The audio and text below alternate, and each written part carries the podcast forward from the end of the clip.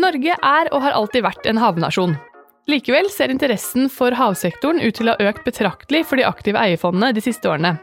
Hva er grunnen til det, og hvor kommer disse nye selskapene og investorene fra? Og har Norges tidligfasemiljø et konkurransefortrinn innenfor hav? Dette og mye annet skal Maren Hjort Bauer og Hilde Pettersen svare på. Maren er founder og managing partner i det nyoppstartede WC-fondet Fynd. Men selv om Fynd er nytt, har Maren lang erfaring med investeringer i havsektoren. Hilde er gründer og managing partner i Momentum. Momentum har reist to fond med vekstinvesteringer i havsektoren, så la oss høre hva de har å si om havet. Hei, Maren og Hilde. Velkommen. Veldig hyggelig å ha dere her. Takk for invitasjonen. Tusen takk, hyggelig å være her. Havet det er jo stort og rommer uh, veldig mye. Men uh, kan dere si litt om hva som er uh, typiske havinvesteringer for dere? Hilde, vil du begynne? Det vil jeg veldig gjerne. I fondet vårt så er det bærekraft som er det overordnede temaet. Så det utelukker egentlig olje og gass i seg selv, selv om det er selvfølgelig en viktig kompetanse som Norge har i havet. Eh, vårt hovedfokus innenfor havnæringene kan nok deles i to. Det er akvakultur, og det er shipping. Og så kan vi investere i annen bærekraftig virksomhet i havet, f.eks. Eh, offshore vind eller flytende sol. Men fornybar, eh, fornybar energi er jo ofte ganske kapitalkrevende.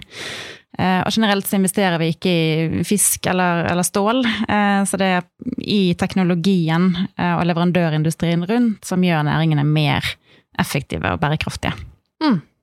Hvordan er det for dere, Maren? Jo, nei, vi ehm, si, Den blå økonomien sånn er jo altså I Catapult Ocean så vi, nevnte vi fem områder. Det var jo energi, transport, harvesting, altså alt fiske, både oppdrett og, og villfangst. Eh, Eh, det var havets helse, og så var det annen type teknologi, data eh, og den type ting. Eh, og alt med fokus på bærekraft. Innenfor Fynd så har vi sagt at har vi snevret fokuset inn, og vi fokuserer på akvakultur, da leverandørkjeden rundt der, og, og også fremtidens mat og ressurser fra havet. Impact bærekraft er veldig viktig i alt, alt vi ser på. Mm. Hvor stor er denne sektoren? Altså hvor mange, kan du si noe om hvor mange fond i Norge som investerer i havsektoren, eh, Maren?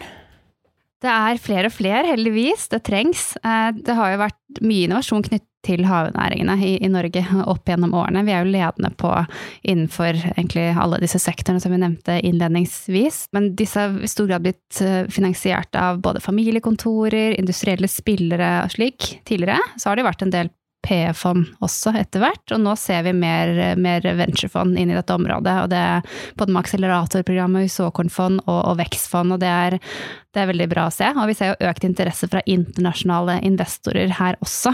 Mm. Eh, og mange av de ser jo til Norge.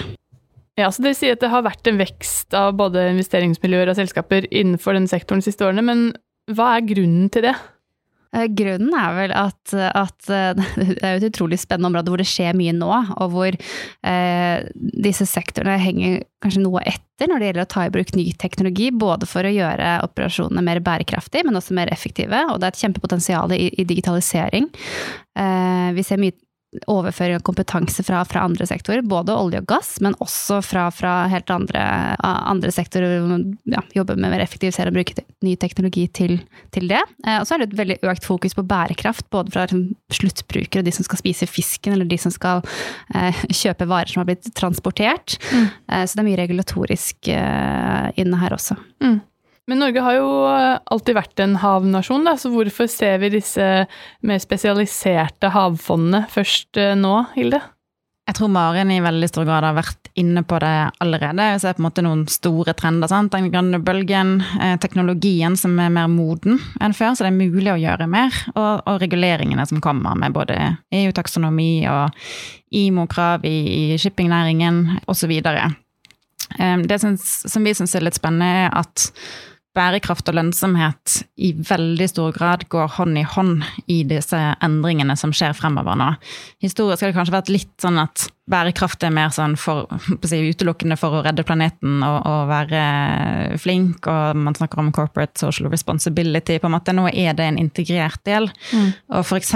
innenfor eh, akvakultur, eh, så ser vi at det som begrenser næringens videre vekst og lønnsomhet, det er nettopp eh, utfordringer knyttet til bærekraft. Mm. Vi er nødt til å løse luseproblematikk, annen type fiskevelferd, um, miljø, fotavtrykk i sjøen rundt oppdrettsanlegg osv. Så, videre. Mm. så det å knekke de bærekraftskodene, det går hånd i hånd med å, å fortsette på den lønnsomme reisen. Mm. Jeg er helt enig, og det er jo det som Jeg syns, jo da den blå økonomien er sånn kremeksempler på på at det faktisk går, kan gå hånd i hånd, da. Eh, og det er jo det som veldig mange har fått øynene opp for nå, eh, både investorer og, og andre. Så, så veldig spennende tidspunkt da, for de sektorene vi ser på. Hva mener du med at, eh, at den blå sektoren er kremeksempelet? Det er, litt, det er til, det, til det Hilde sa, at, at akvakultur som eksempel, da, eh, ved å løse mange av de bærekraftutfordringene som er, om det er liksom fiskehelse, lakselustematikk, så vil du også være med å øke produktiviteten, f.eks. Et, et eksempel. Eh, så, så, det er eh, ja, veldig mange flere eksempler på det også, på, på at eh, du kan bygge lønnsomme, veldig bra selskaper som samtidig har en, en positiv impact. Mm. Um, det går ikke på bekostning av det ene eller det andre. Nei, det akkurat det samme innenfor shipping som et annet eksempel. Sant? Det viktigste man kan gjøre for å ta ned fotavtrykket der, er å redusere fossilt drivstoff. Sant?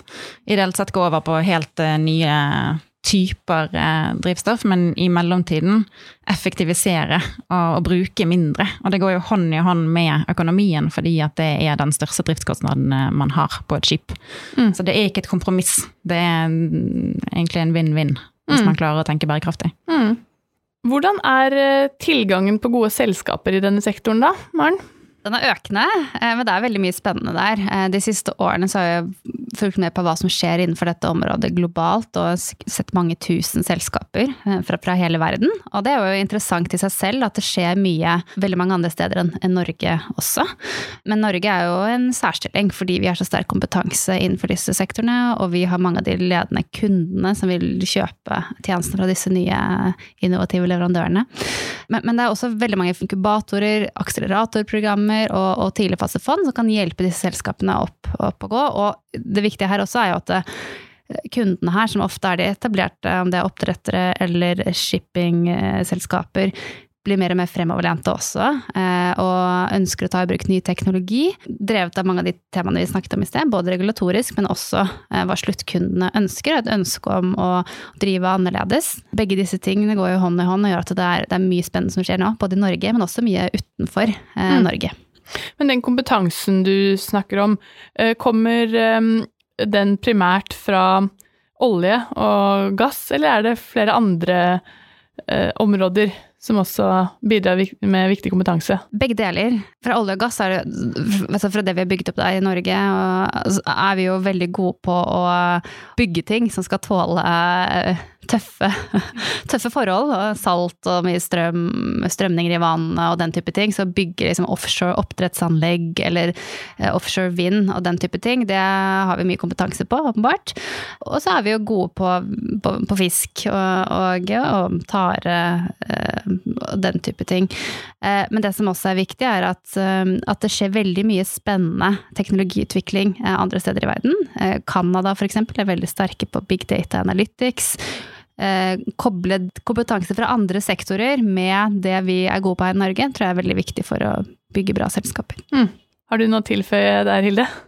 Eh, det er fristende å si litt eh, om eh, akvakulturnæringen. Fordi eh, ja, det er mye omstilling fra olje, men, men, akvakultur har vi på en måte alltid vært gode på, på i Norge også. Det er jo for så vidt en ung næring. Den er fortsatt umoden. Men innenfor akvakultur så tror jeg nok lakse oppdrett i Norge er det mest modne vi har. Og Maren var inne på big data, som er et veldig spennende område. Og bare det å få tak i dataen er en utfordring i eh, egentlig både akvakultur og shipping, som, som, vi ser mest på. Og det er spennende å snakke om eh, kunstig intelligens og alle de optimeringsløsningene man kan lage, men, men, man kan ikke det uten data. Så det er på en måte en tydelig utvikling vi ser, da, at eh, type sensorikk og konsistente, gode, pålitelige data inn, det er et veldig stort behov, og det begynner begynner å komme nå. Eh, og da skjer det mye. Og ut fra det eh, syns vi at det springer en god del eh, spennende selskaper. Mm. Men hvor kommer disse gründerne fra, de som starter selskapene? Apropos hvor de, hvor Mm. de springer ut fra. Jo, eh, det er nok litt delt. Vi ser absolutt en god del kompetanse fra oljesektoren som beveger seg over i andre havnæringer. Og det er jo spennende. Der har vi masse kompetanse, og oljenæringen har gitt landet vårt veldig, veldig mye, og den kompetansen skal vi forvalte videre. Um, vi ser nok også ganske mye, særlig på det teknologisporet. Eh, mye yngre krefter som kommer fra universitetsmiljøene. I Norge skjer det mye f.eks. på Sintef NTNU. Så det er egentlig ganske, ganske variert. Det vi faktisk ikke ser kjempemye av, er type utspring fra de store selskapene i næringen.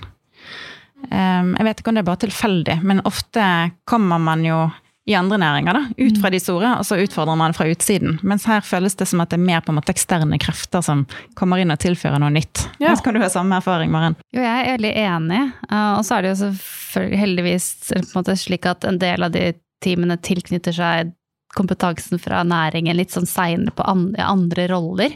Uh, men veldig ofte er ikke det de som er gründerne. Jeg er enig. Eh, Gjør dere mange investeringer utenfor eh, Norge?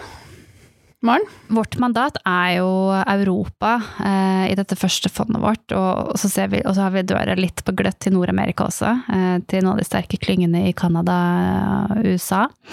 Eh, så vi kommer nok til å gjøre mye investeringer utenfor Norge også, men, men eh, man sitter jo tett på Det skjer veldig mye spennende her i Norge, eh, og mye kompetanse. Eh, så hvis vi investerer i selskaper utenfor Norge, så er det fordi vi ser at noen av de kanskje skal etablere seg i Norge, se på et Norge som et spennende marked, eller det, andre, altså det må være gode synergier da, med vår, vår plassering og lokasjon her, her i Norge. Hvordan er det for dere, Hilde? Litt annerledes, faktisk. Vår hovedstrategi er å investere i norske selskaper som skal ut og ta en internasjonal posisjon. Og den strategien er på en måte i stor grad bygget på nettopp de konkurransefortrinnene vi har i Norge, men ikke minst i Vestlandet, hvis det er lov å skryte litt av eh, den, den landsdelen. Eh, Takk skal du ha. For, for der sitter, vi er jo basert i, i Bergen og sitter veldig tett på på en måte disse næringene, da. Eh, De tradisjonelle aktørene og klyngene osv. Um, så, så det er på en måte vår hovedstrategi. Nå skal det sies at vi er i ferd med å gjøre en investering i Finland, i et shippingselskap. Uh, så det er på en måte ikke noe i mandatet som hindrer oss i å gå utenfor Norge, men strategien er å, å ta utgangspunkt i de styrkene vi har her, og så være veldig tett på de selskapene og hjelpe de ut. Og så presisere at vi, vi også, jeg tror vi å alle her ser på etter selskaper som har globale ambisjoner. Ja, vi jo en særstilling egentlig langs hele kysten. Bare reise langs hele kysten her i Norge, så, så har du veldig mye spennende miljøer og klynger. Mm. Du nevnte i stad at eh, dere ser mer internasjonal interesse, altså fra, interesse fra aktører utenfra mot uh, Norge også. Ja, generelt så ser man interesse fra investorer innenfor, mot den blå økonomien. Eh, alt fra de store bankene som, som på en måte har lagt til altså jeg tror Credit Suisse har lagt til eh, den blå økonomien som et av sine hovedfokusområder de neste årene i strategien de la nå i, i, i vinter. Og da er det naturlig å se etter hvilke nasjoner er som er sterke på disse temaene, og Norge er jo en, i en særstilling, ikke sant. Så, så ja, både internasjonale investorer som vi, har, ja, som vi jobber med, som ser til Norge, og ønsker å komme tett på det kompetansemiljøet vi har her, da. Med, med Sintef, som Hilde nevnte, med klyngene eh, og, og de etablerte aktørene. Så det er god tilgang på kapital da, i den, inn mot denne sektoren. Jeg vil si det, og vi ser, vi ser jo det har jo vært mye kapital som blir hentet til landbaserte prosjekter i det siste. Eh, eh, men, men også, ja, vi ser investorer som er interesserte. Så er det ganske mange investorer som ikke har den kompetansen til å kunne vurdere casene for å gjøre direkteinvesteringer. For det er ganske Du må liksom skjønne dynamikken. Det er noe annet enn å investere i et liksom, klassisk te- Uten å generalisere, men klassisk liksom, tech, eh, tech-startup. Mm. Tech det er litt annerledes. Um, og da er det en fordel for, for investorer å kunne investere gjennom fond som Momentum eller Fynd eller andre, for å deriske. Og jeg vil jo fortsatt påstå at vi trenger flere sånne miljøer. Det er både i havnæringene, men også generelt i Norge så er jo dette økosystemet fortsatt umodent. Så vi trenger å bygge flere miljøer med mer kapital og mer kompetanse og støtte disse selskapene gjennom vekstfasen. Vi er jo litt eh, ja, vi, på, på liksom, jeg, jeg, tror jeg bygger det litt sånn, Vi har begynt med liksom, engleinvestorer, så, mm. så vokser liksom fondsmiljøet litt sånn i takt med, med, med at selskapene vokser. Ja. Og det er ikke bare innenfor Og i det blå så henger vi kanskje liksom enda litt lenger bak, mm. da. Men generelt så trenger vi mye flere kompetente Enda flere mm. kompetente VC-vekstfondmiljøer. Og i takt med at uh at miljøet vokser, så ser man også at flere spesialiserer seg også. Og går fra å være mer generalister til å spesialisere seg innenfor ulike sektorer. Har du noen tips til gründere av selskaper i denne sektoren, da? Hva er det viktig å tenke på i møte med investorene, Hilde? Ja, det er jo mange ting man kan si, men hvis jeg skal trekke frem én ting, da, så er det egentlig å tenke stort nok. Ja. I hvert fall hvis man vil gå den venture-veien. Altså det er andre veier man kan gå, og man kan bygge mer sten på sten og kanskje ha et lavere risikonivå gjennom selskapsutviklingen sin. Men for å ha med venturekapital så må det på en måte være et ganske stort potensial. Mm. Og ofte ser vi, kanskje spesielt innenfor akvakultur, at det er litt snevert fokus eh, på selskapene. Eh, de bygger ganske ofte punktløsninger som løser på en måte ett problem som oppdretterne har. Og så tenker de veldig laks og veldig Norge. Mm. Og det er vanvittig bra å ha et fokus i starten. La meg bare få presisere det, for man kan ikke bli god på alt på en gang. Men man må se de store mulighetene som ligger rundt. Særlig da innenfor lakseoppdrett i Norge så er det et veldig konsolidert marked, hvor de, store, de største fire-fem aktørene har veldig store markedsandeler. Så hvis du på en måte ikke får med deg de fleste av de, da, så, så skrumper markedet veldig inn. Så vi ser egentlig ganske mye på Går det an å tenke større her? Mm. Kan man, når man først er og har fått tilliten til oppdretteren ute på merkanten, kan man levere mer? Mm. For de er jo opptatt av å ha minst mulig ting som forstyrrer opp, eh, operasjonene deres. Færrest mulig ting nedi merden, eh, færrest mulig folk som skal ut og gjøre et eller annet som kan forstyrre biologien der ute. sant? Mm. Um, så, så, det er faktisk en sånn generell tanke vi driver og jobber litt med. Fins det konsolideringsmuligheter i akvakulturnæringen? Som kanskje er litt utradisjonelt som venturefond, men um, spennende tanke likevel. Mm. Følger, ja, det, det, er akkurat de samme temaene vi sitter og diskuterer. For når du teller, ant, ja, liksom, når du teller antall merder, og du skal ha én duppeditt, en, en hardware device ned i den, så er markedet begrenset. Ja. Innenfor laks spesielt. Så har du jo ikke store andre arter, hvis du tenker mer internasjonalt. Altså tenker reker, tilapia den yes. type ting, som er spennende. Men, men, det å tenke stort nok, kjempe, kjempeviktig. Og ha en virkelig god forståelse for hvilke problem du løser, og ikke starte med liksom en teknologi, men hvilke problem du faktisk løser, og at det er betalingsvillighet hos kunden, eh, og jobbe ekstremt tett med kundene og, og, tørre å teste ting så tidlig som mulig. Jeg er helt enig. Og så finne de gode forretningsmodellene. Mm. Og, og, kanskje særlig på, på, hardware, da, som vi snakket om i sted, så handler det ofte om å få gode data. Så ofte mm. blir det en hardware-komponent i de gode, gode selskapene, syns i hvert fall vi, da, at vi ofte ser. Og hvis det er litt sånn dyre duppedingser, så, um, så krever det investeringer fra, fra oppdretterne. Og hvis du da kan snu det om og gjøre det om til en, en driftskostnad istedenfor, mm. eh, og samtidig da gjøre inntektsmodellen til selskapet til en uh, recurring revenue, som mm. uh, vi, med vi investorer er så veldig glad i, så, så kan det skalere mye bedre. Så mm. forretningsmodeller er altså noe vi jobber mye med. Men en sånn duppeditt da, til en mære eller noe annet teknologi, hva slags verdi bidrar denne innovasjonen med til samfunnet, på en måte, utover verdien de bidrar med til investorene sine? Hvorfor er de viktige? Det kommer jo an på hva, hva duppeditten skal løse, eller Ofte så er det en, en duppeditt, en sensor eller et kamera eller hva det er for noe, da. Nå, veldig, nå blir det veldig sånn oppdrett som blir det én mm. type selskap vi snakker om nå, da. Men, men eh, så kan du jo være med på å eh, telle lakselus, måle biomasse, altså gjøre effektivisere produksjonen i oppdrettsnæringen. Eh, og sørge for at det blir bedre ressursutnyttelse, rett og slett. Og mm. da vil det jo eh, bli mindre forurensning rundt merdene, mindre bruk av altså bedre fiskevelferd. altså det er mange av de temaene der som er viktige. Eh, men så vil jeg også nevne et par andre typer selskaper når vi liksom snakker om det. Fordi én eh, ting er på fisk og oppdrett. Eh, så ser vi kjempepotensial i bruk av makro- og mikroalger til til om det er til mat, om det er til fôr. Nytt bærekraftig fôr for oppdrettsnæringen er ekstremt viktig. Det kan jo være med å redusere CO2-fotavtrykket betraktelig for, for uh, matproduksjon. Mm. Eller uh, selskaper som jobber med mikroalger for, for, å lage fargestoffer til tekstilindustrien, eller lage fibre på en annen måte. Ikke sant? Altså det er Dette er alt dette er ressurser som kommer opprinnelig fra havet. Så um, det er vanskelig å si sånn én ting, men det er, det er, veldig, det er veldig, mye forskjellige temaer du kan touche på. Mm.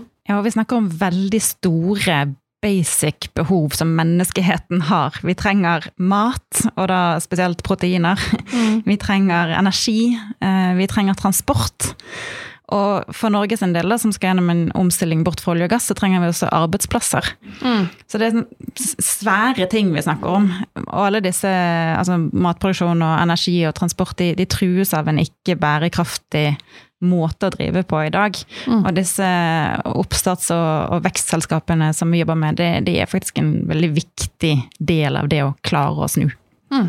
Kan dere si noe om fremtidstankene for denne sektoren? Hva er det som er veldig spennende å følge med på fremover? Dere har jo nevnt noe, men har dere noe tilføye? Jeg vil bare liksom, bygge litt videre på det, det Hilde sa, med dette at havet kan jo bidra til å løse noen av de virkelig store utfordringene vi har. Det gjelder også, Havet regulerer jo, er en veldig viktig del av å regulere klima.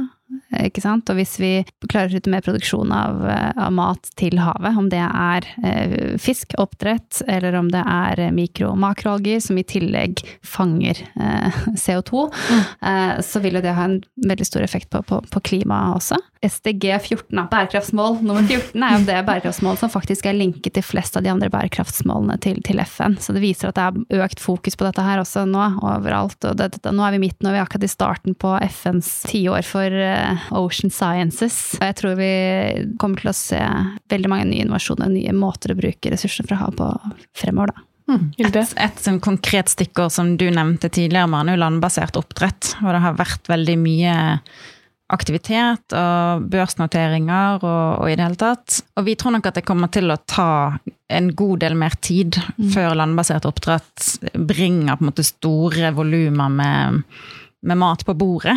Eh, matfisk i, i, full størrelse. Men for, fordi dette er komplekst. Det er på en måte prosessindustri fra før, og så legger du på biologi, og da blir det ikke noe enklere. Så det er vel egentlig ingen som har knekket den koden helt enda. Men, men vi er ganske sikre på at det kommer. Og så er det kanskje noen som er bekymret for at da mister Norge litt sitt komparative fortrinn, som vi har snakket mye om her i mm. dag. Mm. Fordi du på en måte fjerner geografi og disse fjordene våre med de gode forholdene i, fra, fra ligningen. Men fordi det er så komplekst, så handler det om kompetanse. Så vi tror at Norge vil ha en viktig rolle også i det å drive landbasert, og også for så vidt eh, lukket og semilukket i sjø, og på en måte finne masse andre driftsformer for oppdretten. Mm. Og når vi først er inne på landbasert oppdrett, så det er et område som vi interesserer oss en god del for, som er slambehandling. Mm. Og da kommer vi egentlig inn på dette her med sirkulær økonomi, som på en måte er et viktig tema i arbeidet vårt òg. Hvor det da, sånt, I produksjonen så opparbeider det seg en god del slam, eh, avfall, som er et problem. Så måte, nummer én er at du kan fjerne det problemet, og nummer to er at du kan gjøre det om til en ressurs. Det slammet kan brukes igjen um, til um, en ganske umoden verdikjede i dag. Ofte går det til, til biogass eller til uh, gjødselproduksjon. Men hvis dette får størrelse på seg, så tror vi at nedstrømsmulighetene der er veldig store, og du kan tenke veldig helhetlig og sirkulært rundt at du benytter den, det avfallet til å altså Fantasien setter grenser, men gjøre det om til energi som kan drifte anleggene. Produsere hydrogen som kan drifte brønnbåter som, eller andre slambåter som henter slam fra flere. Dekke rett og slett på en måte det behovet man har selv i produksjonen, så blir det en helt sirkulær tankegang. Så tror jeg nok det er et stykke dit, men det er utrolig mye spennende som, som skjer på det området. Hmm og masse læring fra andre også, som har jobbet med liksom, ja, annen, annen industri eh, på, på, de temaene. Da. Jeg vil også bare sånn, dra frem igjen litt eh, mikroalger. Nå hadde jeg på morgenen i dag uh, møtte jeg et selskap som eh, møtte ganske mange selskap som jobber med akkurat de temaene der om dagen også. Og, og det å se på hvordan kan man uh, produsere, bruke mikroalger til å produsere, om det er liksom, fôr eller tilsetning til fôr til fiskene, fiskeindustrien eller akvakulturindustrien. gå bort fra soya, en del av de andre mm. fôringrediensene som ikke eh, er så, så, bærekraftige. Og være med på å gjøre også oppdrettsnæringen mer bærekraftig totalt sett. Da. Mm. Samtidig som at det er jo et økt fokus på å spise plantebasert også. Mm. Um, og, og, der ser vi også at, at tare og mikroalger kan spille en veldig viktig rolle. Mm. Og så er det en sånn en overgang som skjer, skjer gradvis, og jeg tror liksom vi blir veldig langt tid. Jeg vil uansett se fisk og plantebasert eh, i parallell da, ved siden av Mm. hverandre.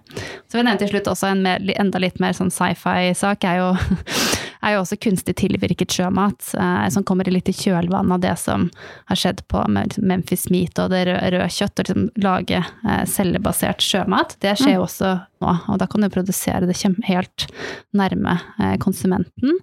Full kontroll på alt som går inn gjennom hele produksjonen. Eh, men det, er, det, det her tar lengre tid, for det er eh, kostnadseffektivt. men, men disse tingene skjer, og det er veldig interessant å følge med på for, for oss, og for, også for de eksisterende oppdretterne og de som produserer mat. Da. Spennende. Her er det mye som skjer eh, framover, skjønner jeg. Mye å følge med på. Eh, og tiden vår er dessverre ute, så jeg tror vi må la det bli med det. Jeg skal bare prøve å oppsummere litt kort hva vi har vært innom de siste eh, 25 minuttene. Dere har sagt det at eh, det har vært mye innovasjon knytta til havnæringen i Norge i mange år, og vi har vært ledende lenge, men det har tradisjonelt sett vært familiekontorer og, og industrielle spillere som har investert i sektoren, mens nå ser vi mer akseleratorer, WC-fond og vekstfond. Vi har snakket mye om at Norge har et komparativt fortrinn, eh, og at mye kompetanse kan overføres fra andre sektorer, ikke bare olje og gass, men også akvakultur og shipping f.eks. Det sier at det er god tilgang på spennende selskaper i denne sektoren, og at det også skjer mye interessant utenfor Norge, som dere følger med på. Og at vi ser en økende internasjonal interesse for Norge fra eh, utenlandske aktører. Som gjør at det er ganske god tilgang på kapital, selv om dere har sagt at eh, det alltids kan, kan komme mer. Hvis du er gründer, så anbefaler Hilde og Marne å tenke stort. Eh, Det er bra med et tydelig fokus i starten, men du må ha muligheten til å vokse og tenke konsolideringsmuligheter. Så sier dere at havet kan bidra til å løse noen av de store utfordringene vi har. Klima, matproduksjon, transport, eh, blant annet. Eh, Og når det gjelder spennende muligheter og trender i sektoren fremover, så har dere nevnt spesielt at eh, gode data er en stor mulighet.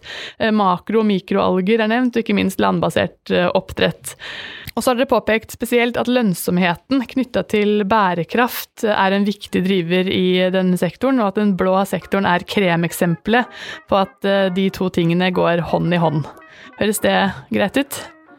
Helt strålende. Ja, så bra. Da gjenstår det bare å si tusen takk for at dere var med, og lykke til videre. Takk.